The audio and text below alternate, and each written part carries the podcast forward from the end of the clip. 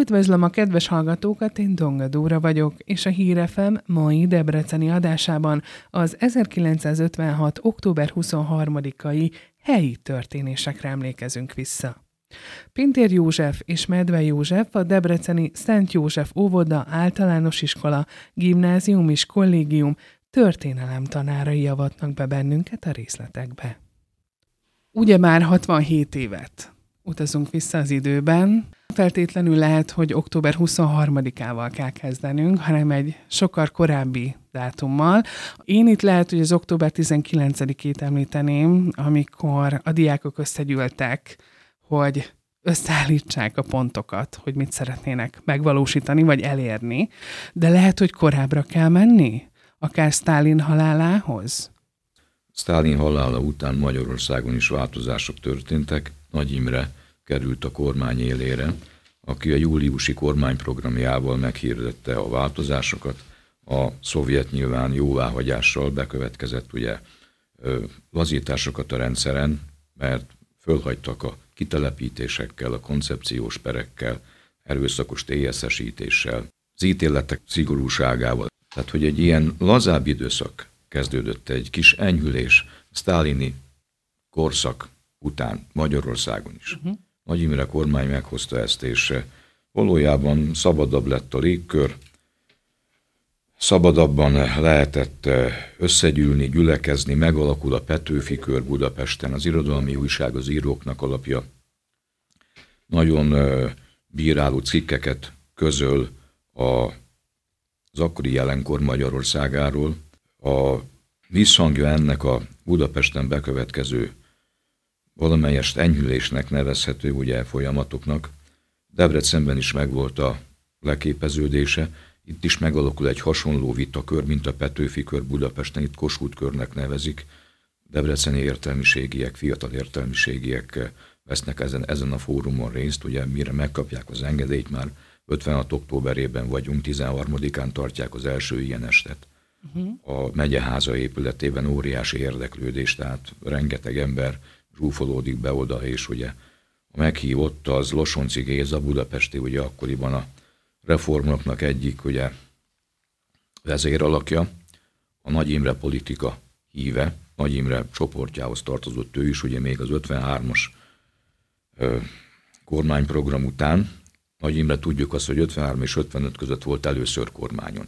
Ez a két évnyi időszak meghozta az enyhülést. Ugye rendszeren ezeket a bekövetkezett torzulásokat igyekeztek kiigazítani, helyre tenni. Ugye megszűntek a kitelepítések, a koncepciós perek, az internálások, a elítélteket ugye rehabilitálni kezdték, így a Rajkpernek az elítéltjeit is ugye ugyanígy ismét tárgyalták az ő perüket, következménye a rehabilitáció. Ez is itt van az előzmények között, és az is, hogy 56. október 6-án újra temelik Nagy Imrét és társait, ugye. Újra temetik, és már ott is rengeteg ember összegyűlik, mint egy 200 ezeren azt mondják, és ott volt Nagy Imre is, aki akkoriban már, és még nem volt pártag, mert kizárták előtte a pártból 55-ben, miután ugye ő véghez vitte ezt a, hogy mondjam, új kurzust, ami bekövetkezik az enyhülések által, és már akkor azt mondják, hogy ha ő csettint int egyet, hogy akkor most kezdjük el társak, már akkor bekövetkezhetett volna 56, mint a forradalom szabadságharc ugye kitörése. Miért vártak akkor ennyit? Miért kellett jóformán egy évet várni erre, idézőjelbe várni? Hát nehéz ezt így megmondani, hogy miért kellett várni. Szerintem akkorra értek meg a változások, hogy ezekből legyen egy minőségi változás. Szerintem ez miatt lehetett ez így mert nem jöhetett. Tehát Nagy Imrét, amikor leváltották, visszatért az ortodox kommunista kurzus Magyarországon, Hegedűs András miniszterelnöksége idején. Tehát az történik, hogy a Rákosi emberei, akik nem akarták a reformokat, amit Nagy Imre bevezetett, azok kerültek ismét hatalomra, és ők visszafogták megint ugye a változásokat, van, amit nem tudtak már visszahozni. Tehát nem tudták visszahozni a kitelepítéseket nem tudták visszahozni, a, nem tudták leállítani a koncepciós pereket, amelyek ugye megtörténtek, és rehabilitálták ezeket a végastártalon elítélt kommunistákat. És ezek valahogy így értek be ezek az események, ezek a változások. Uh-huh. Meg nyilván lengyel események, külpolitika is közrejátszott, a pozdani lengyel felkelés ugye adott egy lendületet a szervezkedésnek, mert ez is benne van itt a, az okokban, hogy miért éppen akkor történt, mert az egész Budapesten, mint lengyelek melletti szimpátia tüntetés indult. Szervezkedés. Igen. Bemtéri gyűlés, uh-huh. ugye. Az ifjúság így kapcsolódik be. Megalakul a MEFESZ, ezt is mondani kell, ugye, ö, október 16-án Szegeden megszerkezték a követeléseiket az egyetemisták, ugye az ifjúság megint fontos szerepet játszik az eseményekben. Ők a szikra, a hordozói és kirobbantó is az eseményeknek. És hogy ez így alakult, így játszottak össze a dolgok. Október 19-én, hogy egy kicsit három napot utazunk, és október 19-en lépünk, ugye említettem, és beszélgettünk itt arról, hogy lényegében akkor gyűlnek össze, és írják a pontokat, vagy fogalmazzák meg azt, hogy mit szeretnének elérni. Ki tudunk emelni ezekből a pontokból párat? Ha jól tudom, 16 pont. 16 pont, igen. Igen, és akkor majd Debrecen is rátérünk, és úgy tudom, hogy Debrecenben viszont 18. 20. 20 pont volt? Hát amit kiemelnénk, az a függetlenség, ugye, szovjet csapatok kivonása Magyarországról, demokratikus politikai viszonyok, több pártrendszer, szabad választások, gazdaság átszervezése, átgondolása, átszervezése, erőszakos TSZ-esítés leállítása. Ezeket lehetne egy most egyből így kiemelni. A Rákosi korszak címervilágát megszüntetni, a Rákosi címert ugye helyette a Kossuth címert visszahozni. Felmerült ez a kérdés, hogy miért nem volt 55-ben változás. Uh-huh ne felejtsük el, hogy diktatúrában élünk akkor. Megvoltak a tapasztalatok, hogy milyen egy totális diktatúrában élni, és a félelem mindenkiben benne volt. És főleg azt, ha látjuk utána, hogy 1956 után is milyen megtorlás volt, és a, a Kádár korszak sem volt akkora enyhülés, mint amit sokszor a történelmkönyvek tanítanak, hanem az is diktatúra, az is a diktatúra időszaka, hiszen a 80-as években is még visznek el embereket, kínoznak meg, elektrosokkot alkalmaznak, tehát a félelem az benne volt az ember, benne volt az egész magyar társadalomban. És hogyha már a várakozásról beszélgettünk, és hogy miért idézőjelben, hogy akkor is ugye 55 után azért vártak, megféltek ezek szerint az emberek, ami érthető, hogy itt is azért eltelt 19 és 23 között ugye négy nap. Itt ez alatt az időszak alatt mi történhetett? Debrecenben a MEFESZ általi kezdeményezés kiemelhető, amikor 22-én telefonáltak Debrecenbe, hogy megalakult a MEFESZ Szegeden, és ugye hozták a hírt, hogy megszerkeztették a követeléseiket. Debrecenben is ugye elkezdtek készülni valamire. 22-én este telefonáltak Pestre, hogy ott az egyetemisták, műegyetemisták ugye mire készülnek. Uh-huh. Műszaki egyetem hallgatói hogy szimpátia tüntetés a lengyelek mellett, ugye, a lengyelek érdekében, lengyelek ügyét megsegítve a Bemtéren. Ugye miért éppen Bemtéren, mert ugye magyar-lengyel történelemnek a közös hőse, és hogy ők ezt megszervezik. És itt az itteni MEFESZ tagozata értesült erről, és nyilvánvaló, hogy fölhívás is volt ez, hogy akkor ti is szervezetek valamit itt Debrecenben. Az egyetemisták meg a fiatal tanársegédek vették kézbe a szervezkedést. 23-án akcióba is léptek, tanítás elindult az egyetemeken, de néhány fiatalember, tanársegéd és egyetemi hallgató szervezésével tanítás ugye megszakadt, és megszerkeztették a 20, 20 pontban ugye a követeléseiket mm. a debreceni egyetemisták is, és azon nyomban intézkedtek. Tehát elkezdték a szervezkedést, mind a három egyetem, akkori Debreceni Egyetem, a KLTE, a Mezőgazdasági Akadémia és a DOTE hallgatói föl szólítva, hogy gyertek, akkor összehívjuk, összehívunk benneteket egyetem térre, és akkor ott ugye felolvassuk a követeléseinket, a 20 pontot, és utána induljunk el a városközpontba, ahogy a budapestiek is csinálják, meghirdették, ugye, induljunk el mi is a város központjába, és ugye fogadtassuk el az akkori pártbizottsággal a követeléseinket, illetve hogy ezeket a 20, ezt a 20 pontban fogalmazott követeléslistát, ezt a, az akkori néplap, ez egy napilap volt akkoriban, naplóhelyet Debrecenben, hogy akkor a néplap ezt hozza a délutáni kiadásában, azon nyomban, ugye. Hogy ezt fogadtassák el, ugye, a pártbizottsággal. Szóval, hogy ők délelőtt ezt megírták, megfogalmazták, és már aznap délután? Igen. Már, már aznap ugye elindulnak 11 órakor egy egyetem térről az egyetemisták, néhány ezren, a város központja felé először mennek a Perényi utcába, a pártbizottság épülete elé, ahol a városi előkelőségek összejöttek, ugye a pártemberek, a pártvezetők, nem voltak egy állásponton, hogy mit kell csinálni a egyetemisták követeléseivel. Volt, aki lövetni akart mindjárt, ugye volt, aki pedig Komorcsin Zoltán, az akkori párt titkár, ugye azt mondta, hogy óvatosabban kell bánni velük, nem tudjuk, hogy mi is lehet ebben. Uh-huh. Valahogy így, ugye, így beengedték őket, elmondták, hogy mit, mit akarnak, és a pártbizottság emberei rábólintottak a dologra, úgyhogy a 20 pont kinyomtatásra kerülhetett a döntésük alapján. Uh-huh. Azonban a tömeg a déli órákban ezt követően ugye nem ment szét. A városban itt már, mikor már csatlakoznak ugye a egyetemistákhoz, az utca emberei, munkások, diákok, középiskolások is, uh. akkor már a város központjában három óra felé olyan 30-35 ezeren lehettek. És az volt az első cél, hogy akkor menjünk a megyei rendőrfőkapitányságra, mert ott voltak fogva tartva a politikai foglyok, hogy engedjük őket szabadon. Ezt akarták elérni.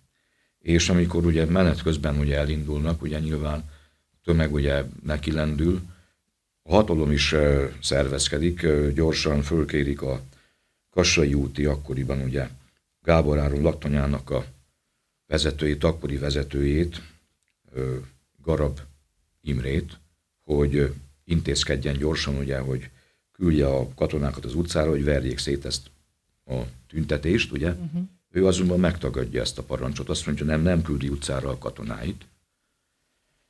És akkor nem maradt más hátra, mert a Kossuth Laktanyának a vezetője nem volt Debrecenben, akkor házon kívül volt, meg ott nem is voltak, ugye, nem volt annyi katona, tehát távol, távol volt az ott lévő hadseregnek, katonaságnak a nagyobb része.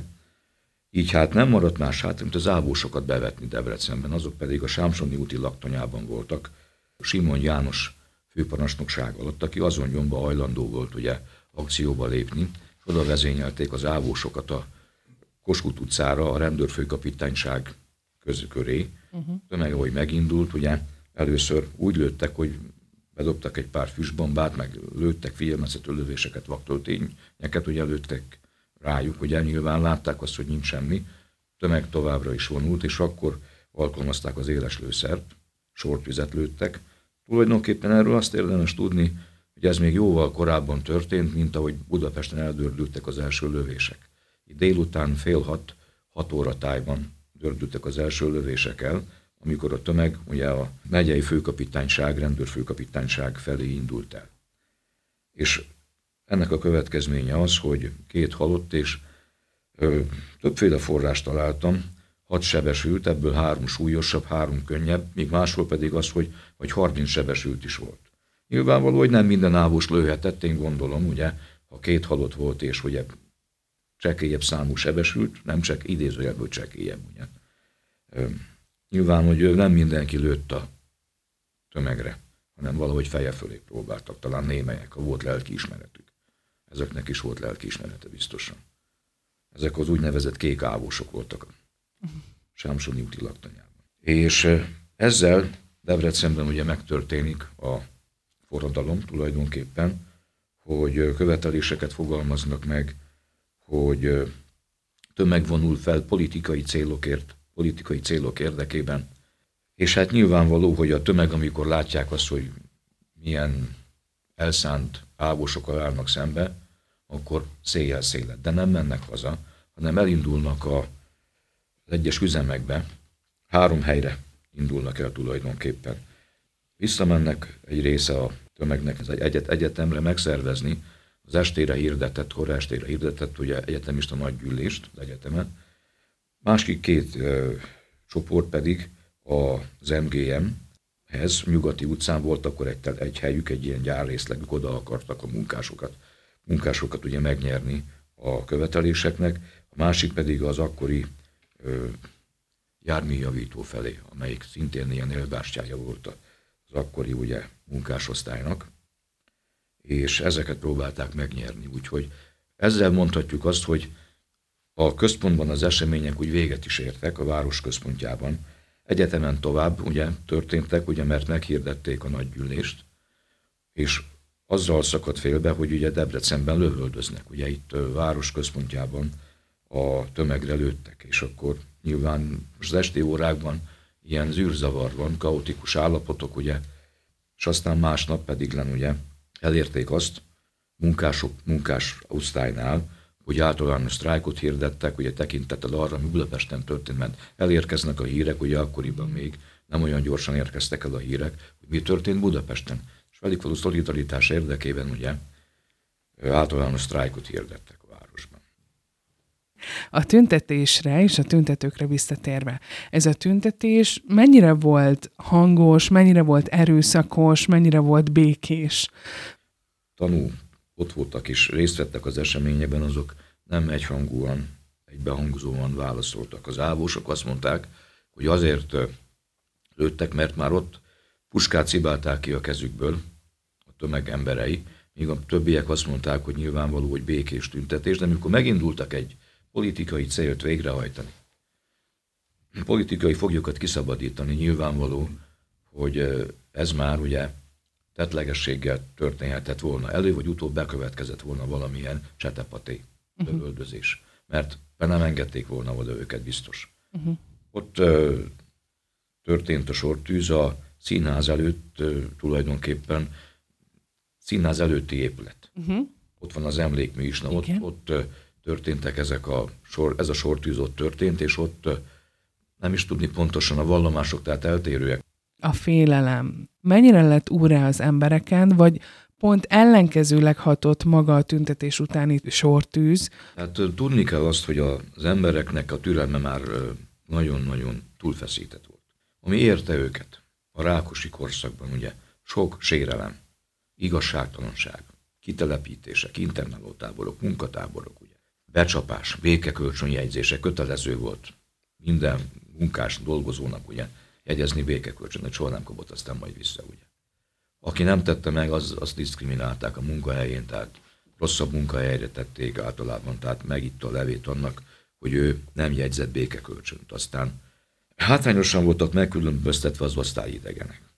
A polgári osztály, az értelmiség, a régi rendszer haszonélvezői. Nyilván most egy régi horti korszakbeli katonatiszt nem lehetett katonatiszt. Egy kórházi portás egy halott mosdató lehetett ugye a tábornok úrból, esetleg, hogyha megtűrték, és nem akasztották föl, még a háború utáni időkben. Aztán itt van a terror, hogy ártatlan embereket üldöztek, hogy mindenki rettegett, ugye, mert így tudták a diktatúrát föntartani, az embereket rettegésbe tartott. Sok embert húztottak meg ok nélkül. Nyilván okkal is, de ok nélkül még többet. Csengőfrász például, ugye ezt ki lehet emelni, hogy a fekete pobjeda hajnali órákban jött, hajnali háromkor, akkor becsöngettek valakihez, akárki, ugye. Tehát, hogy családbarátja, vagy rokon, vagy valami, ugye. Valamilyen fontos ügyben, csengőfrász ugye fogta az embereket. No, akkor kiért jöttek most, kit fognak majd elvinni? A fekete pobjedával. Az AVH, ugye székházába, és összeverni, vagy nem tudom, mivel vádolják. Ugye. A hazugság, ez ugye általában ott volt, hogy a demagóg retorika, ugye, tömegkommunikációt arra használták, hogy demagóg retorikájukat a kommunisták ugye elterjesszék és elfogadtassák az ő rendszerüket tulajdonképpen. Aztán hazaárulás, hogy idegen hatalom szolgálatába álltak az emberek. Vállalták azt, hogy ők igen ebben dologban részt vesznek. Jó, most nem lehet mindenkit, mert van, aki kényszerűségből kerül bele egy ilyen helyzetbe, tudatosan mellőzték a nemzeti érdekeket. Egy kis ember nyilván az sodortatik a tömeggel meg a többiekkel, de egy felelős vezető nyilván azt nem lehet úgymond külön választani a hazaárulás vágyjától. Benne volt, tudta, mit csinál, hogyan csinálja. Tehát mondta a kollégám a diktatúrát, hogy ez egy diktatúra volt, itt nem lehetett úgy ugrálni. Valaki ugrált, mindjárt vitték, és ugye. Nem volt ott sok lehetőség arra, hogy visszabeszélni, meg, meg megmondani a magunkét. Tehát még valamit lehetett, a rendszernek a hibáit, de kommunista keretek között, ugye a Petőfi kör meg a Kossuth kör vitáin ugye elmondani, és hogy szocialista keretek között jobbat akarni, javítani rajta. De ennél többet nem lehetett.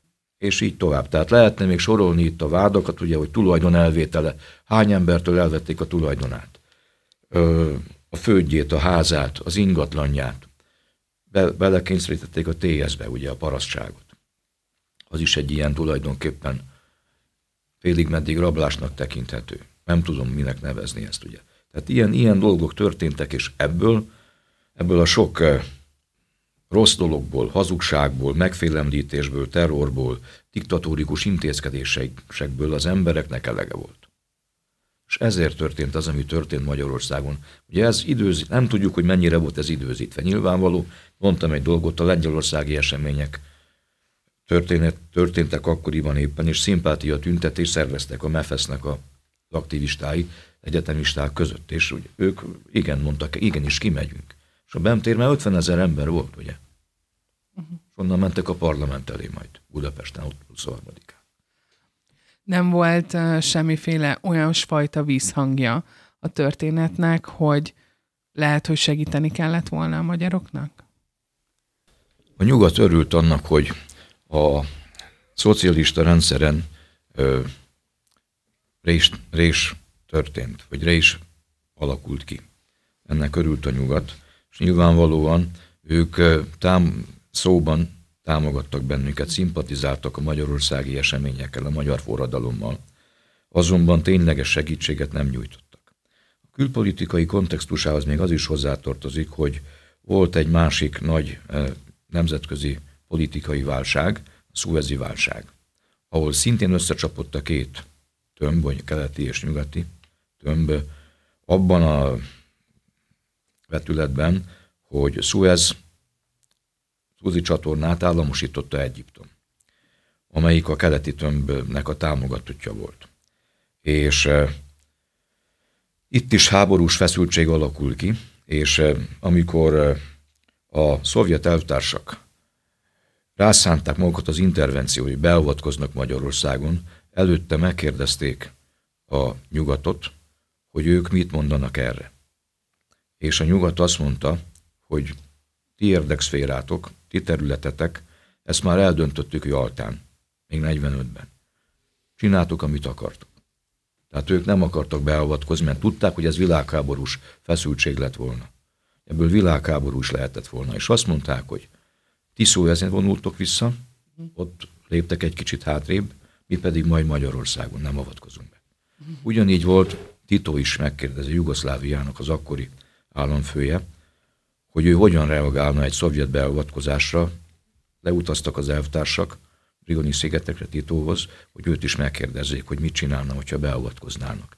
Tito azt mondta, hogy ő nem akar közben, nem akar beleszólni ebbe a dologba, ugyanis a magyarországi akkori átalakulás olyan keretek között történt volna, mint ahogy történt Jugoszláviában egy emberarcú szocialista rendszer kiépítése. És ezért kellett őt is megkérdezni. Ő tehát akkoriban tömbön kívüli volt, már akkoriban a harmadik világ, el nem kötelezettek mozgalma már ugye elindult. És nyilván egyik vezérlakját őt is meg kellett talán kérdezni, hogy ő hogyan reagálna, mint szomszédos országbeli. Uh-huh. És ő azt mondta, hogy ő nem akar beleavatkozni ebbe az ügybe. Nagyon érdekes ez a, a két tömb, ugye 1940 után a második világháború lezárulása után, a keleti tömb és a nyugati tömb, és uh, ugye, ugye azt tanítjuk a gyerekeknek is, és ezt hangzik mindenhol, hogy hát ez a két uh, tömb mennyire egymásnak feszül, világ különböző részén proxy háborúk vannak, uh, uh, teljesen más az ideológia, és uh, milyen érdekes, hogy uh, egy uh, 56-os eseményben ez a két tömb szépen leül és megegyezik egymással. És uh, itt szeretném mindenképpen Borvendék Zsuzsannának a nevét megemlíteni, aki az utóbbi két évtizedben foglalkozik a, a kelet és a nyugati tömb kapcsolatával, rengeteg anyagot megvizsgált, és ő pont arra hívja fel a figyelmünket, hogy Persze a felszínen ezek ideológiai ellentétben álltak egymással, katonailag megküzdöttek a világ különböző pontjai, mégis gazdaságilag a, ott a felszín alatt megvoltak a gazdasági kapcsolatok, a két tömb között, bizony az Egyesült Államok és a Szovjetunió között, akár Magyarországot is felhasználták arra, hogy egy közvetítője legyen ennek, és, és hát akkor nem is lehet csodálkozni azon, hogy egy Magyarország és Szújász kérdésében meg tudtak nagyon egyszerűen egyezni, egy, egy, egy, egyezni egymással. Kitérünk egy dologra, amiről még beszélnünk kell, nem utolsó sorban, az pedig a zászló. Lényegében a zászló maga egy jelképé vált a forradalomnak. Beszéljünk egy kicsit erről, hogy hogyan jött az, hogy lényegében most itt csúnya leszek, de ki kell vágni, vagy ki kell égetni azt a sarlót és azt a kalapácsot. Ez egy szovjet típusú címer volt, amely nyilván idegen volt a magyar nemzeti színek közepette. És amikor elindulnak a tüntetők a műegyetemről a Bemtérre, már akkoriban kivágják a zászlóból a rákosi, vagy szovjet típusú címert. Ezzel is kifejezvén a célkitűzéseiket, hogy most már ők átmennek a politikai követelésekbe is, ugye. Ez is itt volt. Meg a nyilván akkor mely, milyen címer legyen helyette, nem ez a címerünk. A Kossuth címer visszaállítását követelték, ez a mai magyar címer csak korona nélkül. Ugye. Ez volt a címerünk, ugye, második világháború után ez volt a címerünk 1849-ben, hogy mikor Debrecenben kimondták a trónfosztást, ott is levették a koronát a címerünkről. Uh-huh. Ezt követelték vissza a felkelők. A tankokon már akkoriban lehetett látni ezt az új Kossuth címert. A felkelőknek a tankjain. Mikor volt mondható ki, és idézőjelben volt mondható, hogy, hogy, itt, hogy itt elég volt? Hát talán decemberre csitulnak el a harcok teljesen Budapesten, de környékén és a meccsekben még mindig vannak harcok, ugye ilyen elszánt eh, csoportok, a meccseki láthatatlanok, ugye azok még tovább utána is, de, december után is harcolnak. A szovjetek rémei voltak ők tulajdonképpen, mert eh, nem találták őket meg, és mindig rajta ütöttek a szovjet elvtársakon, szovjet hadseregen, ugye, kivez, akiket kivezényeltek ellenük, nehezen tudtak boldogulni, aztán felszívódtak végül is. És a, a forrásokban akkor miért pont november 11-e szerepel? Hát akkor, akkoriban szűnnek meg a budapesti harcok. Mm, és akkor ahhoz Mondjuk azt, hogy addig akkora széletnek szét. Ugye? A budapesti fegyveres csoportok. Korvin közben, Tűzoltó utca, Szénatér, és így tovább. Én nagyon szépen köszönöm, hogy eljöttek, és hát egy kicsit visszautaztunk az időbe, és talán a hallgatók is átérezhették azt a terrort, félelmet, amit, amit azoknak a fiataloknak és embereknek kellett átélni, akik ott voltak 56-ban, és akár a tüntetők között is. Szóval nagyon szépen köszönöm, hogy elfogadták a meghívásomat. Köszönöm szépen. Köszönjük mi is szépen.